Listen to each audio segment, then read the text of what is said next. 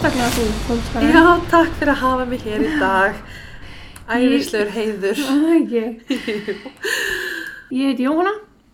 Ég heiti Þórdís. Já. Uh, eitthvað fyrir þetta? Nei, Nei. það er ekkert að frétta. Ég var líklega búin að eigna spann þegar þessi þáttu kemur út. Já, pældi í því. Og ég verður glæðan þú bara heima á mér atvinnulegs. Ég er atvinnulegs að því vinna mín er lokuð út af COVID. Já. Þannig að ég væri að vinna ef að ég hefði fengið leiði til. Þú er bara svo djöfli löt. Ég veit það. Ég ætla að vinda mér beint í málið og ég ætla að setja smávegis trigger warning Yey. í ljósi óhugnalegra smáadraða sem ég kem til með þeirra nefna varðandi lík og hreinlega gangmála í þessu máli frá aðtilu. Ok. Það getur verið að ég sé bara virkilega lítið límið samt líka. Við sjáum til. Sitt sýnist hverjum. En ég ætla að segja frá máli manns að nafni Mark Kilroy en hann var fættur þann 5. mars árið 1968 í Chicago og var sonur þeirra Jim og Helen Kilroy. Mark átt yngri bróður, hann Keith og voru þau fjölskyldan bara mjög krútleg lítil fjölskylda. Þau hefðu flutt frá Chicago fljótlega eftir að Mark fættist og færði sig yfir til Texas þar sem hefur komið sér mjög vel fyrir í Santa Fe. Frekar litlum bæ fyrir utan Houston.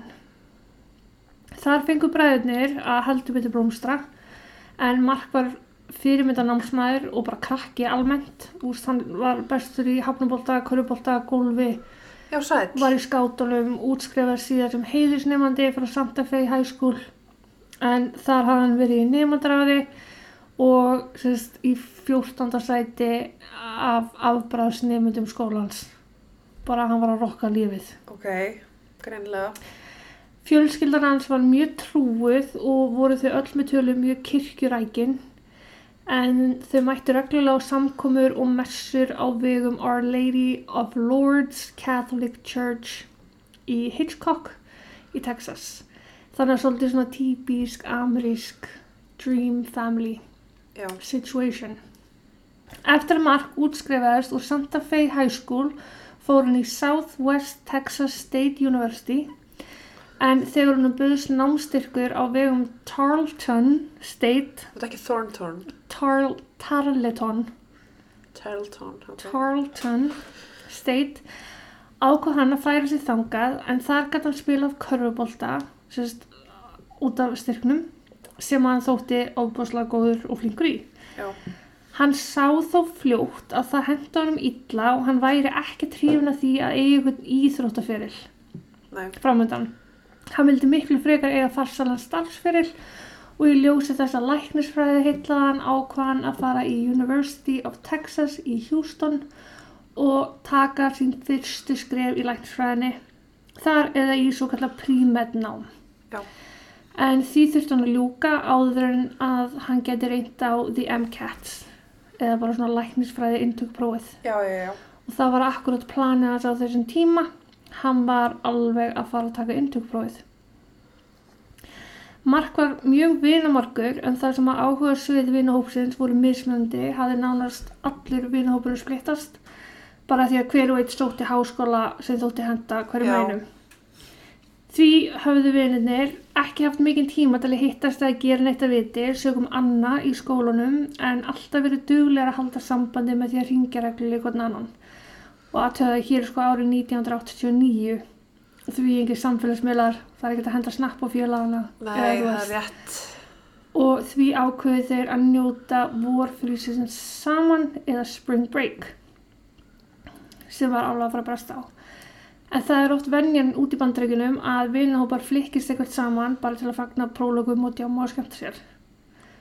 Þeir höfðu rætt alveg frá upphafið skólaársins í ágúst að taka spring break með trompi og þaul plönuðu draumaferð og höfðu því ákveðið fjóri vinnir að fara saman til South Padre Island í Texas. Ég síndi þetta Maps saman Mm. og aldrei skvett úr klaufum eftir annarsama önn og bara ár, þú veist, í skólanum. Já.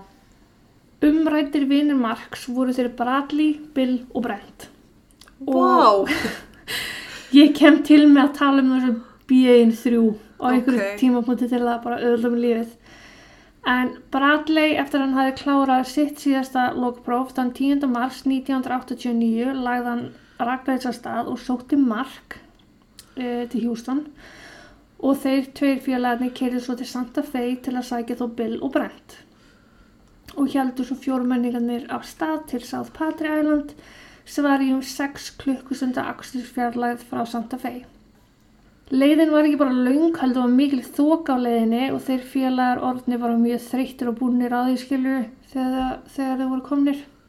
Tjekkuðu þeir sig því inn á hótelið og þá er þarna komið aðfaranótt 11. mars.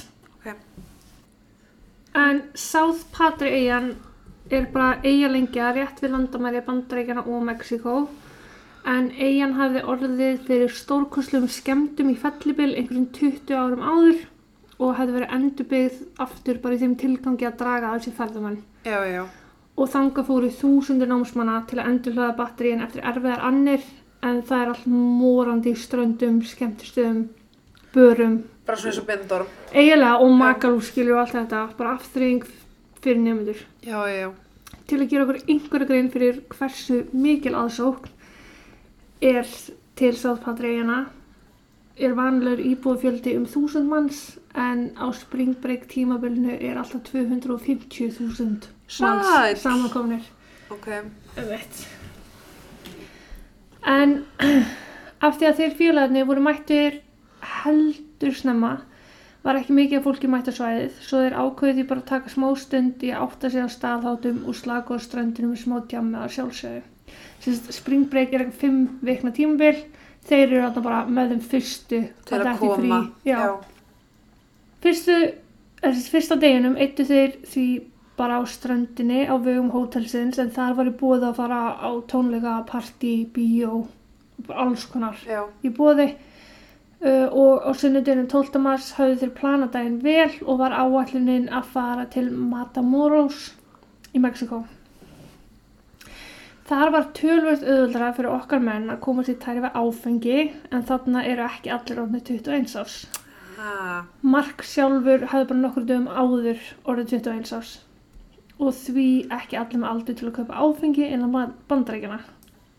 Í ljósi þess að South Padre var bara við landamærin var aðgengi mjög auðvelt en þeir höfðu bara lagt bílinn sem á bílastæði á landamæra stöðinni já, og gengur svo bara yfir brú og inn í Mexiko.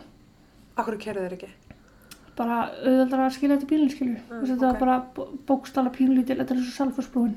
Já, já, já, Þar skemmtur sér vel, kynntust þarna stelpum frá Kansas og eittu kvöldinni og nóttinni með þeim á nætuklúbnum Sgt. Peppers í Matamoros. Eh, Eftir kvöldi skildu leiði þeirra og strákunni heldu yfirbrúna aftur og upp á hótel og fóru bara að sofa. Fjöri hafði verið það mikið kvöldi áður að mándaginn 13. mars voru þeir harð ákveðnir í að skella sér aftur yfir landamærinu kvöldið. Þarna var heldur búið að bæta sem mannfjöldan, sérst þarna 12. hefði mætt fullt, af fólki já, og margir hugsaði sama og þeir vininir og því var margt um mannin í Matamoros þetta kvöld eða í kringum 15.000 manns. sæl, Og við erum að tala um, þú veist, bara Benidorm, Djamgatan eða Tenerife, veist, í ágúst, Já. Strákanir voru mættir á aðalgötu svæðisins, Alvaro Obregón, mm. en því svæði lýsa þeir félagarnir sem skemmtigarði en án allar tækja. Það var bara allt morandi ljósum og tónlist og fjöri og þeir fara inn á skemmtistæðin Los Sombreros. Eftir nokkra drikki þar ákvaðu þeir að færa sér um set og fóru því yfir á Hard Rock Café. Þar var allt fjörið og öll lætin og á meðan þeir stóðu við barinn var bjór og áfengi kasta fram á svölum og út um glugga bara virkilega gott partí þetta kvöld.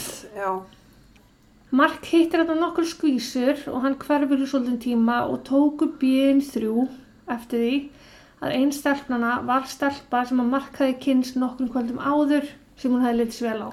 já, Þannig að þeir voru ekkert að bögga sig á því að hann hefði farið og var bara, já hann er bara með svona skvísu, já, einmitt, og heldur bara áfram að skemmta sér og barnum á meðan Mark sendi dömunum.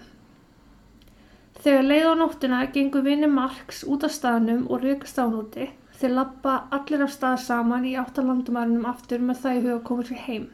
Verandi í Mexíkó voruð með varan á og höfðu talað um að halda hópin alveg þar til að vera komnur yfir. Þeir sagði bara þeirra mótt og þeir, þeir myndi ekki splittast. Nei, myndum eitt að fara saman, já. Já, en á þessu svæði var mikið um fíknefna viðskipti og svona bara annað sem þau voru óvanir Já. og vakti hjá þeim ónótt og vildi bara tryggja það að þeir myndi ekkert vera... Skilja eitthvað eftir. Já. Í áttina landamærunum var auðvitað haugur af fólki að labba, veist, allir að fara á svipum tíma tilbaka. Þannig að þeir sérst, áttu orðið fyrir erfitt með að labba saman fjórir í einu röð. Já, Þannig þeir splittast og, og ganga tveir og tveir. Þannig að Bradley og Brent labba saman og Bill og Mark ganga saman. Og Bill og Mark verða svolítið svona aðeins aftur úr og meðan strákunir hinnir eru aðeins undan. Mark stoppar til að kveja dömunar sem hann hafði eitt á kvöldin með því hann rakst staðar aftur og meðan hleypur Bill einhvert rétt áfram þar sem hann gæti pissað. Bara eins og maður gerir á djáminu skilur. mhm, En þegar hann snýri aftur tilbaka, þegar þaðan sem hann hefði hlaupið frá Mark, fann hann ekki Mark neinstar. Mark var bara hvergi sjáanlegur. Bill gerði því fastlega ráð fyrir því að Mark hefði bara haldið áfram ánans og því hljópa hann í áttabrúnni þar sem hann hitti Bradley og Brent og ennþá Mark hvergi sjáanlegur. Þeir fara því að leita á hannum, kalla á eftir hannum og spyrja fólki í kringu sig hvort þau hefði rekist á hann einhver starf en enginn kannast við það síðan. Sérst á leiðinni yfir, að brúnni. já, Strax urðu þeir félagar órólegir enda mark enga veginn típan til að taka upp því að stinga þá af eða verða eftir í Mexiko án þess að láta það vita. Þeir ákvæðu nú samt að fara bara yfir brúna án marks þvert á það sem þau hefði ákveði áður en þau vildi allan að aðtjóða hvort hann hefði orðið á undan og væri bara býð eftir hinum meginn Já, við brúna. Eh, En þegar Mark stóð ekki hinum með við brúna og var ekki býðandi eftir þeim á bílastæðinu þar sem þau hefði lagt bílnum fengur verulegar áhyggjur. Þeir hlupu því aftur yfir til Matamora og byrjuði að leita á markinu öllu skemmtistöðum í nágruninu sem ennþá voru opnir. Enda vildu þeir ekki fara á hóteli ánans ef einhver hefði nú komið fyrir hann. Þeir leituðu til um hálf fimm um morgunin eða þar til öllum stöðunum hefði verið lokað og götunu voru orðna tómar. Hvergi fannst mark. Þeir fara því aftur yfir brúna, setjast upp í bíl og þrjus upp á hótelið þar sem þeir vonuðist til að finna mark en ekki fannst það þar heldur. Þá fóru þeir eitthvað veltaði fyrir sér hvort að Mark hefði geta verið handtíkin eða slasast annarkvort í Matamoros eða þegar hann kom tilbaka á South Patros eiguna og ákvaði því að kvíla sig aðeins fram á morgun og fara svo aftur og aðtjá málin. Já, já. Kíkja á lauruglustöður og spítala og þess aftar sem bara virkilega skynsamt. mhm, Það gera þeir strax á morgunin og lauruglun í Mexiko hafði hún ekki miklar áhugjur af mark. Enda öllu vanir eftir mörg springbreik ár.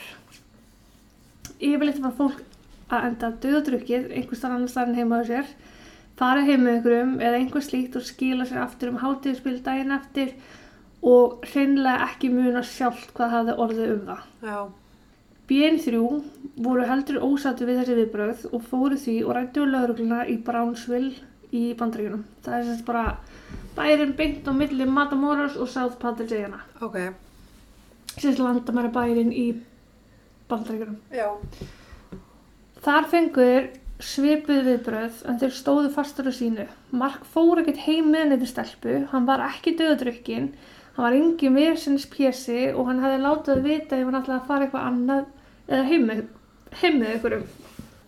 Lauruglumadurinn sem þeir töluðu við, George Gavito, tók aðeins meira mark á þeim fjölugum og ákvaða að það væri nú kannski að hlæfa augun opin eftir mark úr því að þeir voru svona harðir á því að, að þetta væri ekki til í hans karakter. já, Þegar svo leið bara dagurinn og þegar Mark hafði ekki skilað sér heim kl. 11 þetta kvöld ákveður strákunar að hafa samband við fóreldrar hans og útskýra hvað var í gangi. Fóreldrum hans leist ekkit á þetta að suma ástæðum og vinum hans. Mark átti ekki, átti ekki til að láta sér hverfa eða vera kærlaus. Hann var með indamund skinsamur og ábyrgfullur ungu maður og því þetta verulega úr karakter. Ef einhvað var, var hann miklu frekar típan til að vera leiðtóa hópsins, svona mamman í hópnum já, já, já, og sjá þess að allir aðri voru í lægi og svolítið með kontróli við hlutunum. Og strákunni freka vani því að geta treyst á hann Já, Skilurðu? emitt. en frændi Mark sem vann í eins konar tollstarfi eitthvað svona eitthvað svona custom service. E, í Los Angeles og gat með samböndu sínum innan þess geira fengi rannsóknuna í gang eða í það minnst að draga örlítið meira aðtikla að gangi mála. Já, að hann bara hringdi inn eitthvað greiða skilju hann hafði jú sjálfur mikla áhyggjur af frænda sínum í kjálfari hófst rannsókn af vegum lauruglunar í Brownsville þó þeir hefði raun ekkit erinda að rannsaka neitt í öðru landi í ljósi þess að Mark sást síðast í Mexiko já, Mexikóska lauruglan gerði allt í sinu valdi til að reyna að busta þetta bara af þeirra borði og voru með mjög hávarar yfirlýsingar þess efnis að Mark hefði ekki getað týnst í Mexiko, heldur í Texas, þessast í Brownsville. Og því kæmi þetta þeim ekkit við og vilji til samstarfs lítill sem enginn. Samstarfsleysið þótti líklegast vera af því að þeir vildi ekki sverta orðspor Matamoros en bærin þreifst á túrisma og djámandi háskólakrökkum ó, geta verið. Já, í spring break og þeir vildi ekki að það til spillis eins og í málunni þínu Eins og í Natalie, Já. já, Þetta komist þér ekki upp með til lengdar þegar ríkislauglstjóri í báðum löndum voru farnar að vinna að samstarfi með það sama leiðaljósi, bara að finna markheilun og húfi. Leitað var á öllum hótelum sem þið datt í hug, spítulum, fangilsum, lauruglustöðum, já, bara allstaðar sem að, já, heilsugjæslum, líkhúsum og bara hvar svo sem þeim datt í hug að leita. Þeir aðtöðu allt og báðu alla þá sem við töluðu við að hérna hafa sambandi ef einhver með sömu lýsingu myndi dúkka upp hjá þeim. já. Þú veist, lífsæða liðin. En hann sást síðast tala við þessar stelpur. Bill síðan síðast tala við stelpunar. Já, Eftir þrjá daga af því og þegar það voru ljúst að hann væri ekki á neinum af þeim stöðum sem hefði verið leitað á, var ákveðið að strákunum myndi fara yfir kvöldi betur með lögreglu. Bill var sá sem var gangandi með Mark þetta kvöld og því beindist öll aðtigli að honum. Hann sagði frá öllu bara eins vel og hann mögulega gatt að það skilaði ekki því sem vonast var eftir og því var ákveðið að dáleiðan með vonum að geti munað eitthvað eða séð fyrir sér aðstæðuna betur og þannig komið mikilvægum smáadröfum upp á borðið. Bara einhver sem að lægi þá í undir meðvitundir í honum. já, já, já, Undir dáleiðslu sagðist Bill muna að hafa gengið frá mark og gengið fram hjá manni af rómunskum uppruna, Hispanic. ok, Sá maður hafi verið klættur í bláa köflóta skirtu, svona platshirt, eða svona skirtujakka. já, Sá maður hafi verið klættur í bláa köflóta skirtu og verið með ljótt ör á kinninni. Hann sagðist finnast hann muna eftir því að viðkomandi hafi gengið upp á mark og sagt hei, þekki ég þig ekki eitthvað? Eða hei, don't I know you from somewhere? já, En Bill gati ekki sagt til um hvort að Mark hafi einu svona svara manninum og því var þetta ekki eins áræðanlega niðurstað og laurugna hafi vonast eftir. nei, emitt, Innan fára daga voru Texas fjölmiðlar eðlilega farnar að fjalla mikið um Mark og hvarfið hans. Fóreldrar hans buðu 5.000 dólar verðlunafér til einhvers eða til þess sem að geti gefið þeim áræðanlegar upplýsingar eða vísbendingar sem myndi leiða til Marks. Þau gáfu út að þau væri með verulegar áhyggjur að Mark hefði verið rænt af mannræningjum og lístu sínu sínum bara eins og ég hef talað um hann í gegnum álið sem ábyrgum og duglegum einstakling.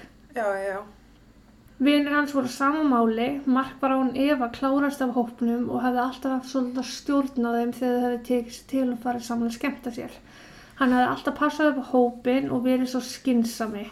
Og ef svo skildi að hann hefði komið sér í eitthvað saklus klandur eins og það hefði verið handtíkin, hefði hann verið lungu búin að finna sér leið til að hafa samband við fólkið sitt. já, Þú veist, af því að all, þú veist, með svona mál, það fólk vil þetta í burtu með einhverju svona eðlilegum raukum. Mhm. Þú veist, hann er bara í fangilsi, hann er bara að gera þetta, hann er bara að gera hitt. já, emitt, við erum alveg vel tekið eftir því. Já. Mamma Marks var með óláta tilfinningu að svona sinni var annarkvæmt mikið kvalinn og sagði svo sterka tilfinningu hvað það varðaði í hver skipti sem hún lasi biblíunum sína. Eh, En hún sagðist treysta á Guð að skila síðan sínum heilum og hói. Um var jú að ræða stráng trúa á konu og sagði hún að fyrirgefning væri ekkert mál ef hún bara fengi svon sinn tilbaka. En hún skildi ekki því að Guð skilaði sér ekki síðan sínum miða við alla þá sem að báðu fyrir því að hann kæmi tilbaka ómeitur. En hún satt greiði síman að heimilu sinni stanslöst í vonum að einhver myndir hingja með upplýsingar eða að mannræningjar myndir hingja með lausnagjaldsbeðnir. Já. Lauruglan var farin að hafa ágjörð því að umvara ræða sakamál hvort sem það hefur verið mannrán eða manndráp og því var lagt meiri þungi rannsókn og leit. Flyers, dreifjablöð, Veggspjöld eða eitthvað. vegspjöld með upplýsingum um mark og hvert ætti að tilkynna ef maður fyndist var drift um allt South Padres, Matamoros og Brownsville. Bara klínt uppmála ekki. 18. mars voru svo þyrlur sendar út til að leita strandleikina sikkur með yfir landamarinn. Lauruglan kyrði strandleikinar á enda til að reyna að finna einhverju vísbendingar og 15 þekkti glæbamönu svæðinu voru tekni til yfirherslu. Þar á meðal voru fíknæfnisalar. Reynt var að tengja mál Marks við þrjú önnur mál, morð á ungri stúlku, morð á trukkubilstjóra og kynfylgsárast aðra stúlku en allt kom fyrir ekki og það skila ekki neginu. Það bara vil svo til að það er gerstu vikunum undan og ykkur 5 km Radius. Radius. Já. Verðluna fyrir sem fóröldra Marks hefur bóðið var hækka úr 5.000 upp í 15.000 dólara.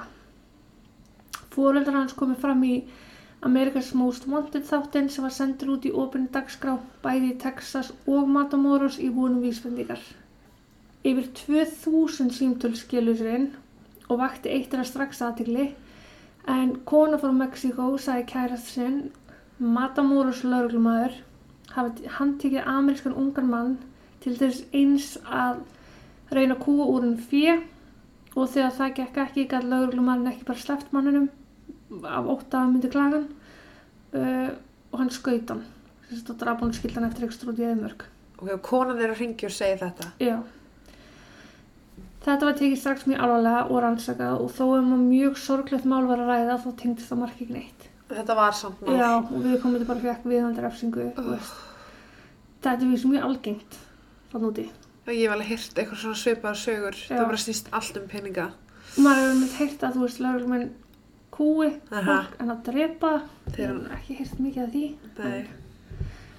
sömur símtöl kom inn og við höfum heyrt svo ofta áður í svipuðum málum Mark átti að vera á þessari strand á þessum degi Mhm. með þessari konu hann átti að vera sérst þvers og krus um Mexiko með hinum og þessum en ekkert að því skilaði neinu Mamma Marks fekk svo símtal heim til sín frá manni sem sagði sitt að Danny og setna frá öðrum junior og að uh, hann eða já þeir vissu hvað Mark var niður komin og sögðust vilja 10.000 dólar fyrir upplýsingarnar.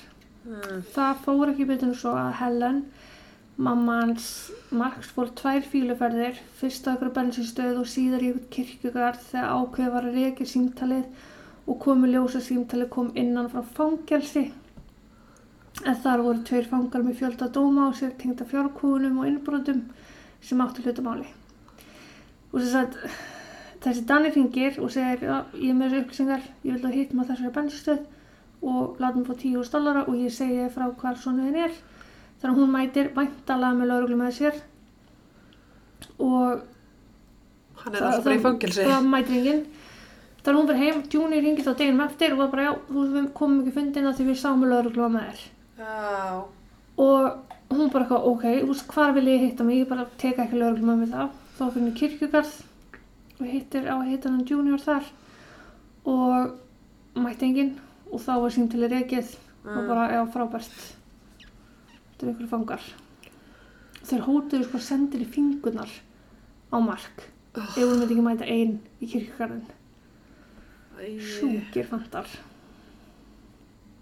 Svo fór að koma símtöl, óvennilega mörg símtöl sem að sögðu frá allskinn sértrúasöfnum sem að þeir sem að hringdinn vildu meina tengdu smálun á einhvern máta. Þessi símtöl ásætt skuggulegu brefi sem að lögreglubars var ákveða að skoða það með frekari þunga. En í brefinu stóð Mark var ekki svo fyrsti. Það Mark was not the first.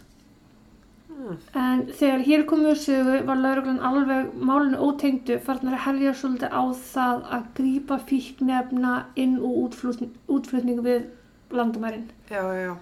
Og 1. apríl voru þeir í eftirlitsferð þar sem að bíla voru stoppaðir og leita var í bílum til að finna og gera upptæk fíknefni. Allt hefði gengið mjög vel þar til að rauði pallbíl brunaði fram hjá öllum stoppskildumerkjunum og hjælt áfram leysinni í leifisleysi og kannaðist einn lauruglumæður strax við þann sem var undir stýri en um var að ræða tvítuar Serafin Hernández Rivera.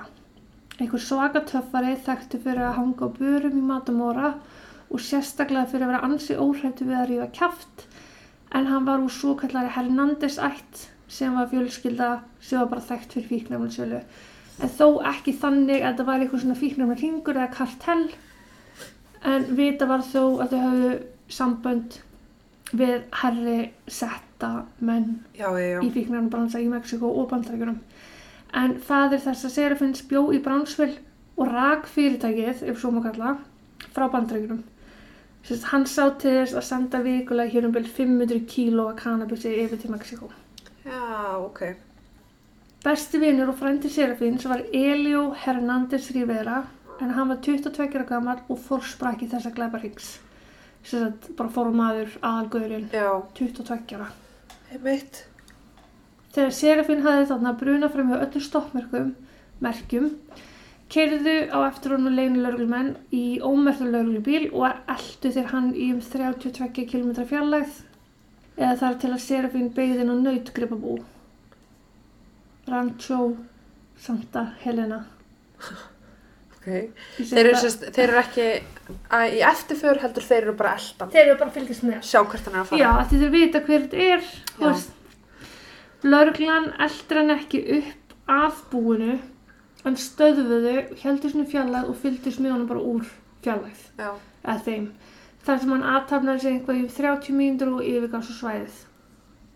Lörglmenni tók sig þá til og kerðu niður malavegin sem að Serafin hefði keirt þegar þeir hætti alltan og komu upp á svona hálgeri skemmu. Veistu hvað veit? já, Svona risastór bárjárnhús. já. Það var umkringt glænjum, rándýrum, flottum bílum eins og bara ber að vera hjá fíknarring. Einmitt. Lítill skúr var upp við bárjárnshúsið og svona staurar þar sem að lögurlega gerir ráð fyrir því að nautni var bundi við.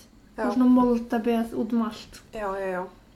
Á móti lögreglu tók, Dó, tók Domingo, hann var svona húsvörður fyrir svæðinu. Og meðan annar þeirra laumæðist þess að líti kringu sig eins óáberandi og óáberandi og hann gat þá laug hinn lauruglumadurinn að Domingo að þeir voru svoleiðist týndir.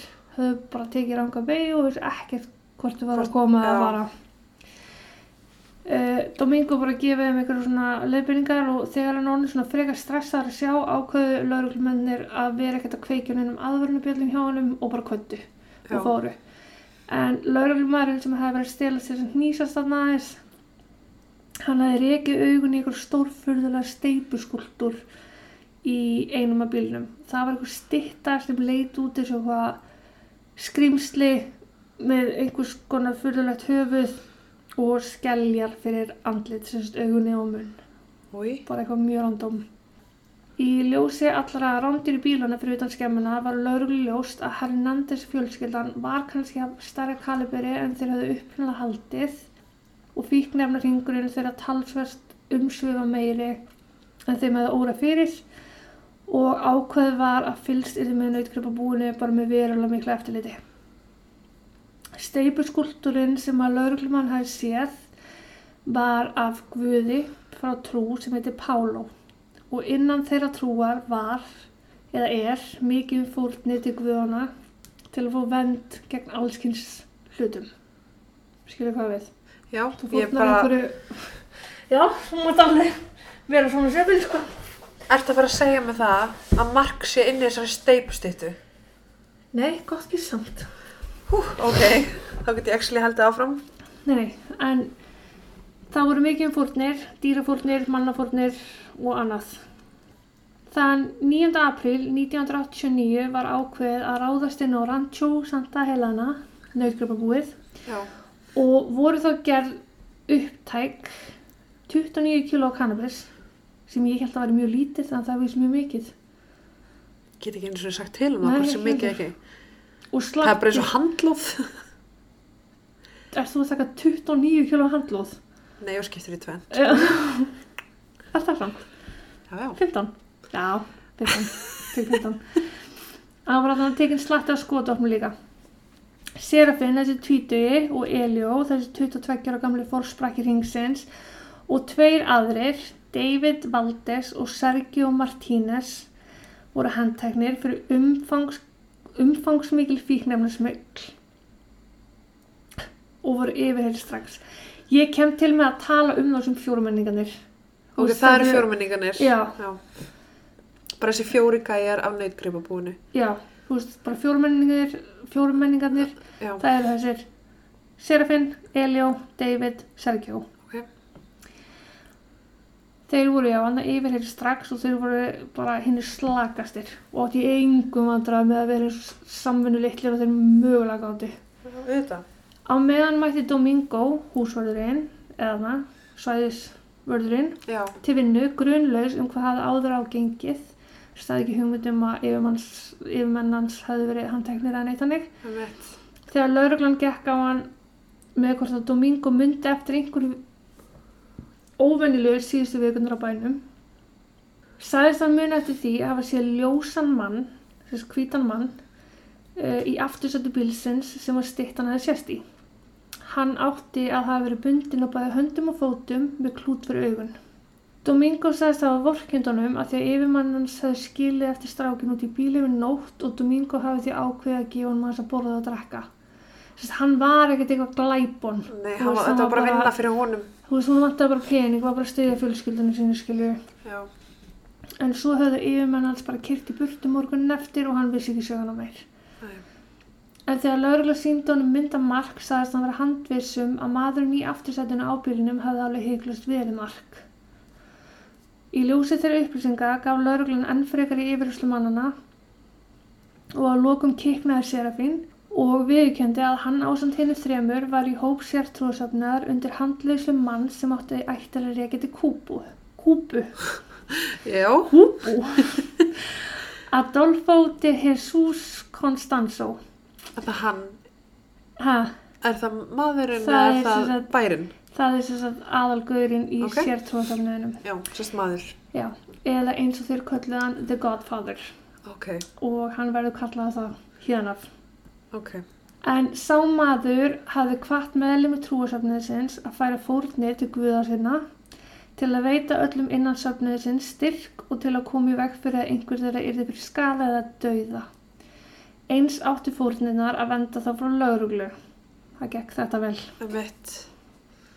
Serafin sagði frá því hennu rólegasti að Mark Kilroy hefði verið drepinn sem fór til guðana. Og bara svo að ég veitni beint í hann, hann sagði it was a religion or voodoo. Bara illaslagur. Ok, Þannig að þann 11. apríl var herfólks lauruglu frá báðanlöndum, Mexíkó og Ameríku mætt á nautgripabúið með Serafín sem var enn ekki fann að kippa sér mikið upp allt það sem var í gangi. En mexíkóska lauruglan hafði tekið rækjala á honum vegna þess hversu ofbóðið þeim var að gjörðum Serafins og skort á eftir sig á honum og höfðu lamið hann í stöppum með kilvum og bara hreinlega verið að kvelja hann sko. það er svolítið lögreglan í Mexiko. Já, mér skilst það eftir ágættis rannsóknar þessar mála alltaf hana. Lauruglan fór strax upp á skúrnum sem ég nefndi á hann. Það var skúr við hlýðan á skemmunni. Já, Sá sem, já, og þar tók á móti hryllileg lykt. Mexikóska lauruglan harneitaði að fara inn, hreinlega vegna hræðslu við vonda anda, svarta galdra, hvíta galdra, alls konar þú veist, og annað slíkt. ok. Ameríska lauruglan dróð því Serafin inn í skúrin þar sem að kveikt var að tveimu kertum sem að benti til einhver hefði jú verið þar inni, einhver á undan. Já, Á eldavél lágu fjóri pottar á söðu sem innihjöldu meðal hann stöða hænu, höfuða geit, skjaldböku ásamt alls konar stittum, chilipipar, mataleifjar, síkartustöppar og öðru eins. Bara, það var allt í ógeðan henni. Þeirra blóðslætti voru upp um alla veggi og tveir blóður vírar hingu úr loftinu sem að Serafín sæðist vera til þess að halda fólki á úliðum fólki. fólki á meðan það var tappað af þeim blóðið. Í miðju herbygginu var, sko þetta, þetta er með eitthvað svakanafn, þetta er bara pottur. Ok, þetta er bara stór pottur, grílupottur já, sem var hann á vegum þessara trúar og í honum var seiði eða súpa að matla. Ofan í pottunum lágu slattar spýtum, höfðageit, kjúklingafætur, bein, skjaldbaka, skeifa af hest, klink, blóð, hár og að lokum mannaheili. Serafín sagði slaku frá því að þarna ofan í lægi heili Marks. Uh. Mexikósku lauruglunni stóð enga vegna sama, skjóta úr hríðskotabissum eins og vittlýsingar upp í loftið til að fæla frá illa anda og fóru svo inn í skúrin þar sem þeir skemmtu allt sem hægt var og skvettu yfir allt saman heiluðu vatni. Bandarísku lauruglumennir voru vitaskjöld brjálæðir yfir þessum hamagang enda um morðvettvang að ræða. Mitt, og því þurfti að haga sér eftir því en þeir vildu nú samt ekki stíga fætum neins og báru fulla virðingu fyrir trú kollega sinna. Já, og þurfti að sætta sig við að ná ekki myndum af vettvangi eða rannsaka hann almennilega á hann að þú veist, allt, þeir skemmdi ekki beint allt en þeir voru svona úr öllu og þú veist. Já, Serafín var sér tekin og ben um að vísa lauruglega á lík Marks þeir gerðu fastlega ráð fyrir því að það var á svæðinu úr því að heilin var aðna Serafín leiti þá að einhverju moldaböð og sagði þannig í hotninu. Þaðan sem sást í vír stingast upp moldinni.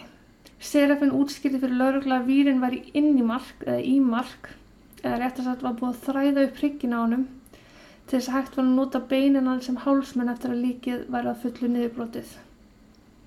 Serafín var rétt skoblu, byssu var beint á honum og hún var skipað að græða upp lík mark sjálfur.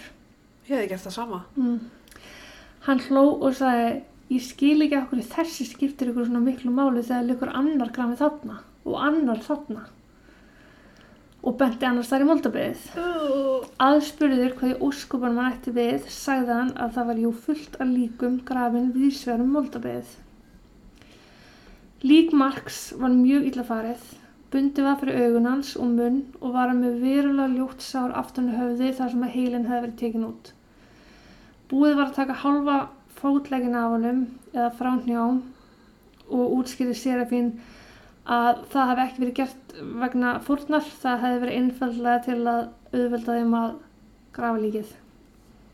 Lauruglunum var svo misbóðið þegar létu fjórmenningana sem þeir haft við yfirherslu grafa upp all líkin á meðan þeir beindu að byrsum og þeir létu það ekki fór skóplur, þeir voru bara því drullist til að nota hendurnar og geðin ykkar. já, Kom það að ljósa um 15 lík voru grafin viðsvönum moldabið öll illa farin. Allt karlmenn og fljótlega komu ljós að margi þeirra voru óvunni fíknefnarhingsins. Sumir að starfa fyrir aðra fíknefnarhingi og aðri sem höfðu bara flækst fyrir starfsmenni. En aldrei tókst að bera kennsl á þrjá af þessum 15. Líkin voru öll með áverka sem eru að öllu leiti ómanulegir. Mörg líkana hefur verið skinnflett eða húðflett. Líkansparta fjallaðir, svo sem hendur, höfuð, eistu, tær, fingur, eyru, þú veist, svo stórfurðulegt. ertu að fara að segja mér að þau áttu þetta, Nei. ok, Þegar fréttir spurust út um gangmála flikkjust að blaðamenn vísað frá, bæði frá Mexíkó og Bandaríkjunum uh, og uppfylltust öll hótel ásamt því að ekki var hægt að leia bíl og lögu bíl vegna aðsóknar, bara því að það smekkfylltist bærin af fjölmjörnum. Allir keftust um að segja frá þessum skjálfulega atbyrði í miklum smáatriðum. Lauruglan sagði að blaðamannfundi að vettvangu var fyrir það fyrsta eins og sláturhús. Þetta hefði verið alvesta sem þau allir upplegað og myndi seint gleyma. Á þessum tiltekna blaðamannafundi voru fjórmenningarnir leittur út á svali lauruglustöðuna og þeim leitt að svara spurningum frá blaðamannum. Sem er bara ógeðslega óeðlegt í ljósi þess að enginn þeirra hefði sínt að eftir sér gjörða sinna. Þú veist, þeir eru bara að reyna Já. að kvelja þá, en auðvitað virkar það ekki af því þeir ná bara ekki að persónugreina þá. Nei. Aðspurðir hvað þeim hefði nú eiginlega gengið til kvöldi sem þeir tóku mark, svaraði Elio Hernández, leiðtói fíknefnarhingsins skýrt. Hann hefði verið valinn af The Godfather til að vera böður prestur flokksins. Sagt, hans eina hlutverk var að drepa til fórna fyrir trúarsöfniðin. Hann sjálfur hafði drepið mark eftir að The Godfather hafði gefið skýr fyrirmæli um að hvítan mann þyrft að drepa. Þannig þeir fengu vend frá sínum guðum frá öll ítlu. En ég kem betra því á eftir. Ég útskýri aðeins betur sér trúarsöfniðin og þannig Godfather og annað. Lauruglan bara var ennþá gjörsla ofbóðið og vildi bara sína fólkinu hvað það var mikil viðbjöður þessar menn. Þannig að þeir rífa Elio úr bólunum til þess að allir getur séð ör og sérst, hann var alltaf í örum og húðflúrum. Um, en Elio sagði bara að þetta væri his license to kill. Sérst, húðflúrin og örin. Það eru bara hans tákn til að... Já, Já. bara sérst, þetta er vegna þess að ég er Uh, böðulskræstur. Trúin þeirra var þeim svo gríðlega mikilvæg og þeir báru svo mikið trösti guða sinna að Sarafín reyndi margsinnis að mana lauruglumann til að skjóta sig því að hann vildi sína öllum blaðamönnum að byssukúla myndi bara endurkastast á honum. Af því þeir hefðu verið svo duglegar að fórna bæði dýrum og mönnum til guður sinna upp á síðkastið, núna hefðu þeir vend gegn dauða. Bara illa lasið já, lið. við mitt. Gefna voru út fjölda handtökuskipana til að reyna að ná í raskat á öllu þessu kenguruglega liði. Þar á meðal Adolfo de Jesus Constanzo, eða The Godfather, Já, leiðtóði safninsins. En Adolfo, eða The Godfather, var 26 ára gammal. 26 ára gammal? ok, ég bjóstu einhverjum svona 50, kalli Nákvæmlega. 60. Fættur í Miami og hefði ferðast mikið með mömmu sinni og áskotnast einhvern tímann að leiðinni áhuga á vútugöldrum og eins svartagöldrum svo einhver síðan þú veist það er bara heil flóra af einhverjum svona göldrum sem að hann bara kynnti sér. Þegar Adolfo var einingis 14 ára gammal voru nágræna hans farin að taka eftir að höfuð af geitum við sverum nágrænir sem það voru að finnast. Uh, Og þegar hann var rétt ánum tvítur var hann orðin vel að sér og mikið þekktur í heimi svartakaldra svo sem Pálo Trúni sem að sér trúasöfnuður hann skekk út á. Hann hefði þá flutt til Mexiko hann var sérst ekki frá Mexiko. þess að hann er uppamlega frá Puerto Rico. Já, ok. Já, hann hefði þá flutt til Mexiko þar sem hann starfaði við að lesa í tarotspil gegn bara smápenning og var þá með tíma með þvílitt fylgi fólks sem síðar voru gengin í hans eigin sértóðsafnið. Hann sagt náði bara að lokka fólk til sín og það var mjög auðvelt fyrir hann að selja þetta til fíknefnarhinga háttsettar einstaklinga í Mexiko svo sem lauruglumenn, tónlistamenn, fræga einstaklinga því öll þráðu þau bæði venn frá lauruglu og eilíft líf. Uh, Hann átti engum vandræðum með að fórna dýrum og farið sér fljótti að stela líkamsleifum úr kirkjugarðum til að búa til seiði og gefa til fórna. Það ágerðist bara í það sem við erum að ræða núna, fórnir og lifandi einstaklingum. Hann hefði bókstæðlega drepið sér áttu tóknum, ef einhver stóð í vegi fyrir honum, drap hann viðkomandi og helst fjölskyldu líka til að sína sig og sanna og var bara einn viðbjóðstöðu maður. já, ég trúi þér með það. Adolfo, the Godfather, hafði salt Elio, fórspraka Hernandez fíknefnarhingsins, hugmyndina að einfaldri lífi með lofurðum um að fíknefnarhingunni erði ósnertanlegur, þeir erði ódöðlegir, getur aldrei orðið fyrir neinu skada og myndi eignast ógrinni peninga ef þau bara gengur til þessu söfniðin.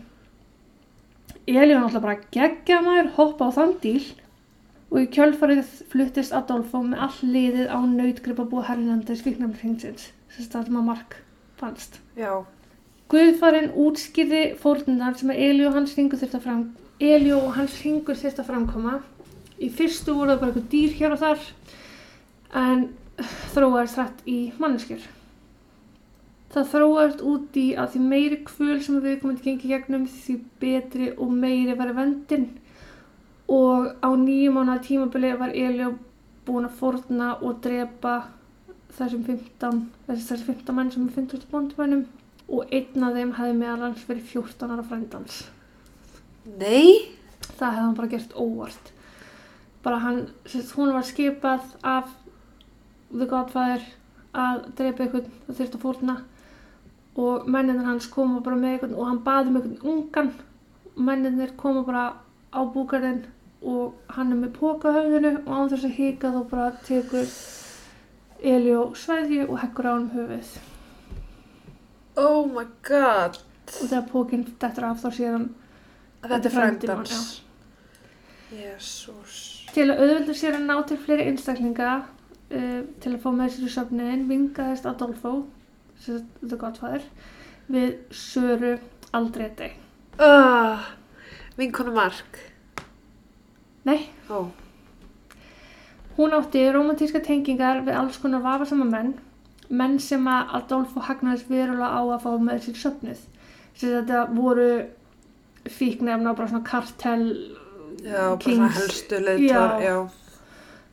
Uh, Sara var vennileg stelpa, hún var gullfalleg, bara mjög glæsileg. Hún var heiðursnefandi í Texas Southmost College og var meðal hans klappstýra fótballaliðsins.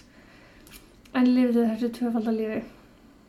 Hún var fljótt annar stjórnandi sértrúarsafnisins og hennar hlutverk að lokka að þessi menn sem að annarkvöld átt að drepa eða fá til að ganga til við þau.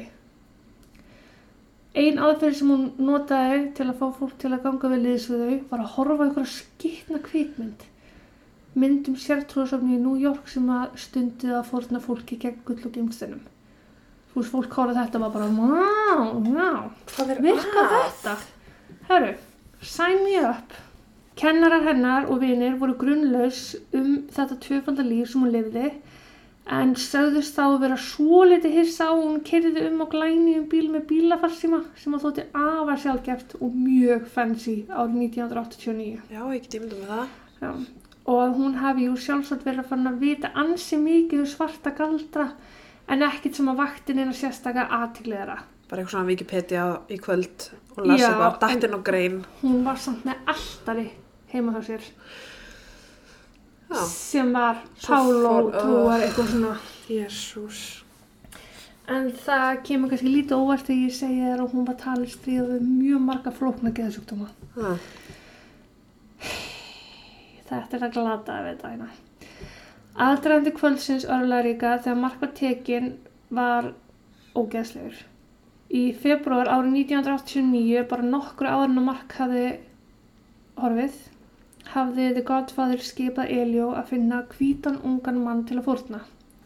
Hann hafði nefnilega stólið 800 kílóum af kannabisi af gengi sem hann vissi að myndi koma í hefndarhug og því vant á hann vend gegn því með því að fórna mannesku. Gengi hjælt út og pikkuði upp fyrsta hvítamanni sem þeir sáu. Sá maður var bara eitthvað fíknæmnarsali og hann var færið til naut, nautgripabúsins þar sem að meðlumur söfniði sem skiptust á að skera hann við sverum líkamann. Þetta er sérst ekki markaður annar. ok.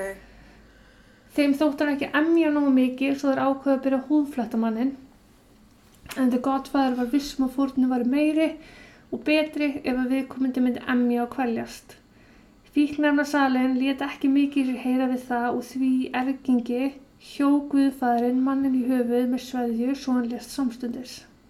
Og af því hann dó samstundis og kvaldist ekki nóg þá var fórnin bara dæmt ónýtt Já, og þetta þurfti að gera aftur. á, er það? Mm.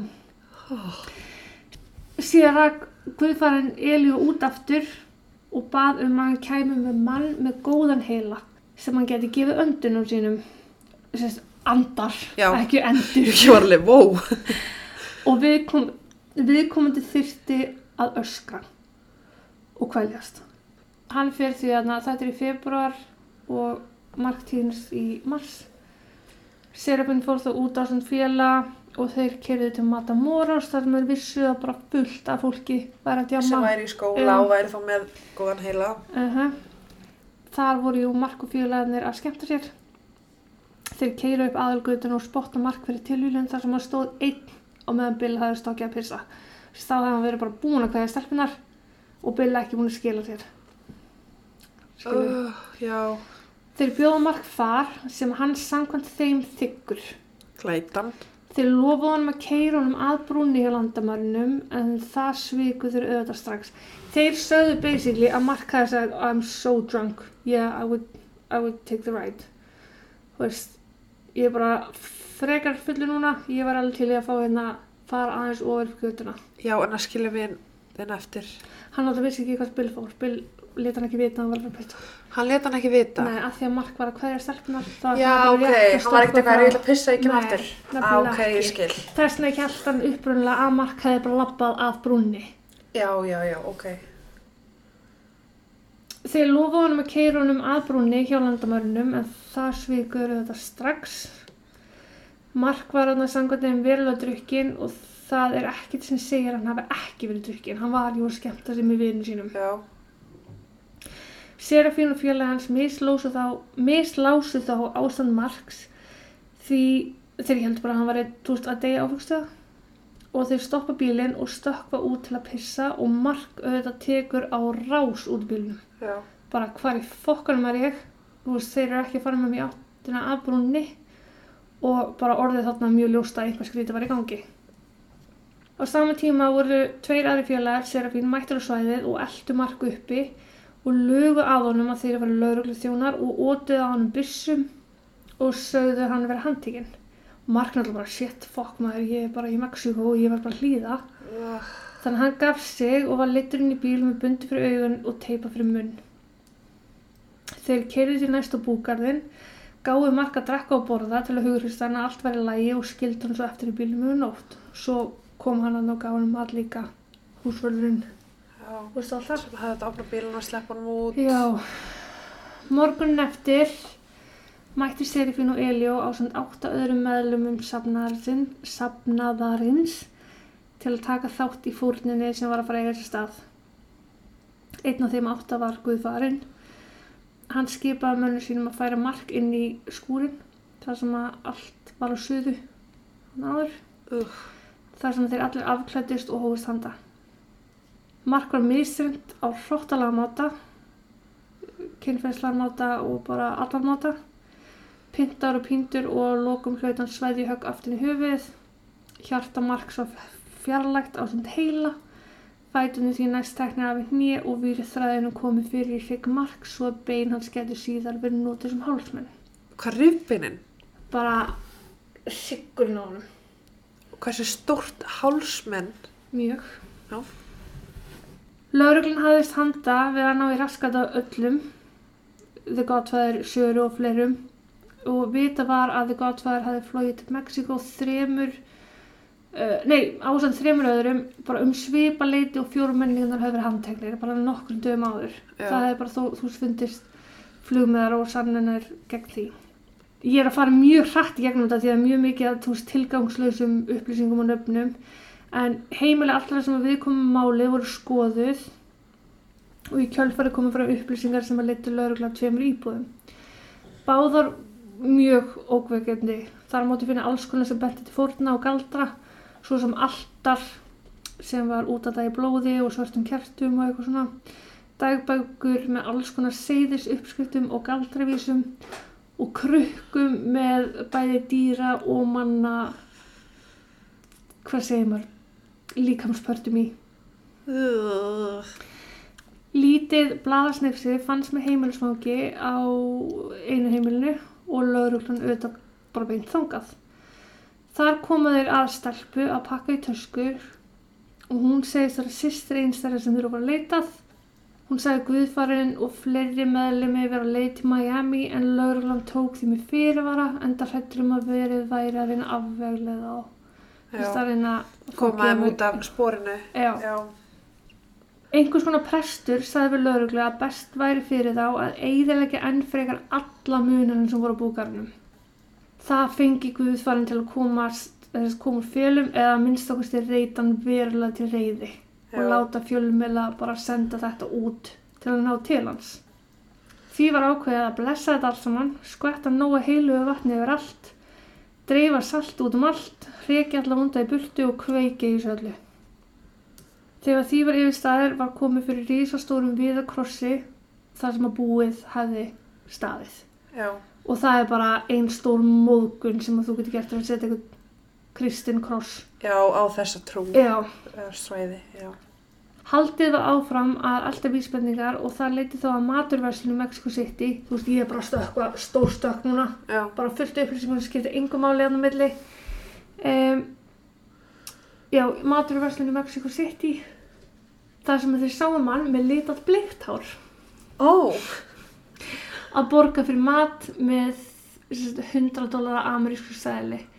Verandi í Mexiko vakti þetta grunn um að hann væri einn af meðlumum safnaðarins og því eldu þeir hann eftir að hann var búin að vesla og komu sagt, að svona bara íbúðablokk. Þar tók á móti þeim skotríð þau leituðu skjóls og köllu eftir liðsöka. Í miðri skotríð stóð maður út um glugga og kastaði út seðlum og klinki og kallaði sí endur tekið This is for you, you poor animals. Fullt, fullt af fólki hlaupaði þetta til þess að að grípa peninga. Það á meðal nokkru lauruglumenn en það urðu þetta allir fyrir skotum ó, þess að geðsjúklings. jésús. 180 lauruglumenn voru lokum mættur svæði til að koma almenningi til skjóls, girða af svæðið og reyna að stjórna aðstæðum. Um það leiti sérstu Söru hlaupa út á samt manni úr söfnuðinum. Þau hlaupa út með hendur á lofti og kalla ekki skjóta, ekki skjóta, við sluppum, við sluppum. Og ná að æla þarna upp úr sér að sjálfur Guðfæðin hafi tekið sitt eigi líf inn í húsinu. Lauruglan tók þessu eins og öllu öðru með fyrirvara og brjótast inn í íbúðuna eins varlega og þeir geta. Já, En þeir tók strax eftir að aðstofa voru klálega róleri. Inn í íbúðinni tók á móti um tveir menn á lífi á svona blóðu líki Guðföðursins og annar látur maður. Þeir félagar höfðu ákveðið að betra að vera degi en að vera handtíkin og skipaði því Guðfæðin einum af mönnunum sínum. Hann hefði þess að skjóta sig, Guðföðurinn, svo restina af öllum í herbygginu og að lokum sjálfa sig. En þetta náttúrulega lagðist ekkert vilja kram í öllum, þannig að það var Nei. bara einhver annar sem var tók sig upp og skaut Guðfæðurinn. Já. En akkur skaut hann sig? Hann skaut ekki sjálfa sig, hann lét skjóta sig. Nei, ekki Guðfærin heldur hinn. Sem átt að skjóta. Það bara hóf skotriðandi inni. Já, já, ok, ég skil. Sara hafði áður en allt þetta gekk á skrifað á blað uh, láti yfirvöld vita að við séum hérna og sérst vitnar í sjálfa sig á Guðföður, Guðföðurinn ég vil ekki neitt meiðist, ég vil bara tala ég vil koma fram að þeir komi ekki fljótlega að vera í drepin og svo hendur hún þessu miða bara niður klukkað þegar hún sá eitthvað að lappa framjá Já, og gaurinn sem að raka augunni held að þetta væri bara eitthvað lélt grín. Þannig að hann bara kulaði saman með hann með hendunum og bara lappaði burtu. Og lét ekkert vita fyrir en allt var yfir staðið. Bara eitthvað, já, hörðu, ég fann miða í dag. Típist. Sara ásamt þeim sem var komið lífs af voru að vita skuld handtekinn Sara bar fyrir sig að hún hafi verið fórnalambi í öllu saman en gæt með yngum móti sanna og það þótti frekar full sanna að hún hafi tekið þátt af, fú, fúsum og frjálsum vilja. Já, og því var hún og allir hinir ákærði fyrir fjölda morða meðal annars á leiðtóra sínum þau gottfæður þau voru kærð fyrir að myrða hann. já, hann átti það svo innilegt skilið en já, já, Þú veist bara, ég hefði fagnað þér og gefið þér það peninga fyrir hefur það. fyrir betra. Þá voru þau einni ákærði fyrir vopnalagbrot fíknefnarsmiglin, fíknefnarsölu og bara neymitt veist, allt saman Allt sem að var hægt að tróða það. Já. já, já. Því tók ekkert aðlulega langa tíma að komast að niðurstöðu. Einn er að lést úr AIDS á meðan hann beði eftir útskurði. Sá sem hefði drefið guðföðurinn fekk 30 ára fangilstóm. Og að lokum árið 1994 voru fjórmenningarnir Sarfín, Elio, David Sergio ásamt Söru dæm til 67 ára fangilsis sem var síðan lækka í 50 ár vegna laga í Mexiko þeim tíma. Bara max dómurinn var 50 ár og þrátt fyrir að brot er að hafi verið þetta slæm þá gildi 50 ára reglan. Þannig að þeir geta actually komist lífs út úr fangelsi. Já. 80 og... Bara 70-80 ára. Já, Sara kom fram og baðast afsökunar á gjörðu sínum og reyndi að útskýra haldi sem að Guðfarinn hafði haft á henni sem öllu var bara skýt samum. já, mér er skýt saman, Já. maður ekki svona að heyra það. Nei, ég bara, ég Já. skrifaði mjög uppkunnavert. Ég bara, ég setti ekki eins og yfirlýsingur hérna. Uh, þetta er sem brýtur um hjarta. Fjölskylda Marks var bara guðslefandi fegin að þau hafi fengið einhver dóm en þau voru um tíma verulega smeykum að þau þurfti enga ábyrgð að taka á gjörðum sínum. Að bara málið þætti of flókið fyrir, Fyrir- mexikoska dómstóla til að tækla. Já, Þann 14. apríl 1989, áður en allt þetta gekk á, var minningratöfn til heiðus Marks haldin í Santa Fe í Texas. Þúsundum manns komu saman til að minnast hans og var farið með mörg falleg minningarorð. Mark var minn sem lífska, lífsglaðar stráknu sem hann var, sem að elskaði Guð, fjölskyldu sín og vini og hafði alla tíð haft hag allar í kringu, sem, kringu sig í fyrsta, öðru og þriða sæti. Fjölskyldan verandi mjög trúið sagðist vera fegin því að Mark hafi í það minnsta haft tæki frá að byggja til Guðs og meðan morðið hans og pyntingum stóð. Þau virkilega trúið því að þetta hefði verið God's plan og að því að Mark hlaut þannig umröðlega döðadag náðist að uppbreyta heilan sértrúasöfnið og þar með koma í veg fyrir að þau heldur áfram fórnum sínum og glæpum. Ok, þannig að bara takk mark fyrir fórnina og Já. áfram með lífið. Þetta telja þau bara að vera tilgangur hans lífs og dauða. Oh. Og aðstandin þeirra, aðstandendur þeirra sem að fundist á búkurunum tóka sjálfsög undir þessu orð. Hefði það ekki, fyrir, hefði það ekki verið fyrir ameríska háskólastrákin hefðu, hefðu hérna, þeirra ástvinir sjálfsagt aldrei fundist Já, og afdrif þeirra hefði aldrei komið í ljós. Þannig Nei. að það voru allir búið að þakkláttir ó já, ok. að vera, þú veist, að mark hafi, Verið fórnað, já, ok. Spes. En fjölskyldan hans stofnaði síðan The Mark Kilroy Foundation. Þaðan sem þau gáði styrki í þeim tilgangi að hefja vitundavakningar varandi fíknefna nótgun ungmenna. Eins gáði allskynns námstyrki meðal annars til þeirra ungmenna sem áttu sama draum og mark að verða læknir í daginn. Já, eins sáu þau til að ungmenni hefðu nógu að gera eftir skóla og eins og sumrinu í öllum fríum til að fyrirbyggja það að þau leitust út í vandræði svo sem slæman félagskap Krakkar gáttu þá fyrir alls konar afþreyingu, svo sem gólf, veiðferðir, tennis, sundnámskeið og bara alls konar sem var gert þess að reyna að halda þeim uppteknum. Ásamt þessu hittu þau reglulega háskólanemundur sem voru að leiði spring break free og gáðu þeim ráð, svo sem að halda hóp, passa upp á hvort annað og eins að kynna sér lög og reglur í því landi sem átt að ferðast til. já, Að já, þetta já, hefur fjöldi fólks lent bara í alls konar fokki já, á svona spring break fríum. Og þannig var það. Hann þarna Elio og Serafín reyndu ekkert tíma að koma fram 2014 eða eitthvað. Og verður bara að við vissum ekkert að þetta var í gangi, við vorum ekkert partur af þessu sérstórsamni eða jara, jara þú veist, þegar þau kannski voru búin að komast til vits aftur. Nei, þeir voru bara dálitir. já þeir voru bara undir einhverjum áhrifum Úi, tífisins viðbjóður. já Það er öruglega fullt af öðrum svona sértrúasöfnum í heiminum sko. sem að bara enginn veit um. Bara, ég heldur við gerum okkur enga grein fyrir því, sko. Nei. Úi, bara. Já. Það er sko, já, það sem ég ætla að segja er kona, það var sérst í Flórida Já. fyrir árið síðan. Það var kona sem að var með barnið sittar Já. og svo allt í einu bara einn daginn fannst barnið hennar labba þarna um og hún var sérst horfin. Já, var þetta ekki á Facebook eða eitthvað? Jú, Lía, sérst sonur hennar var bara eitthvað að labba. Já. Bílinn hennar var ekki frá þar sem sonur hennar var að labba og þar var okkur íbúðir. En það er sérst, tengingin við hana er sértrúasafnar gæi sem er svona voodoo, tarot, drasl og er að fá borga fyrir það.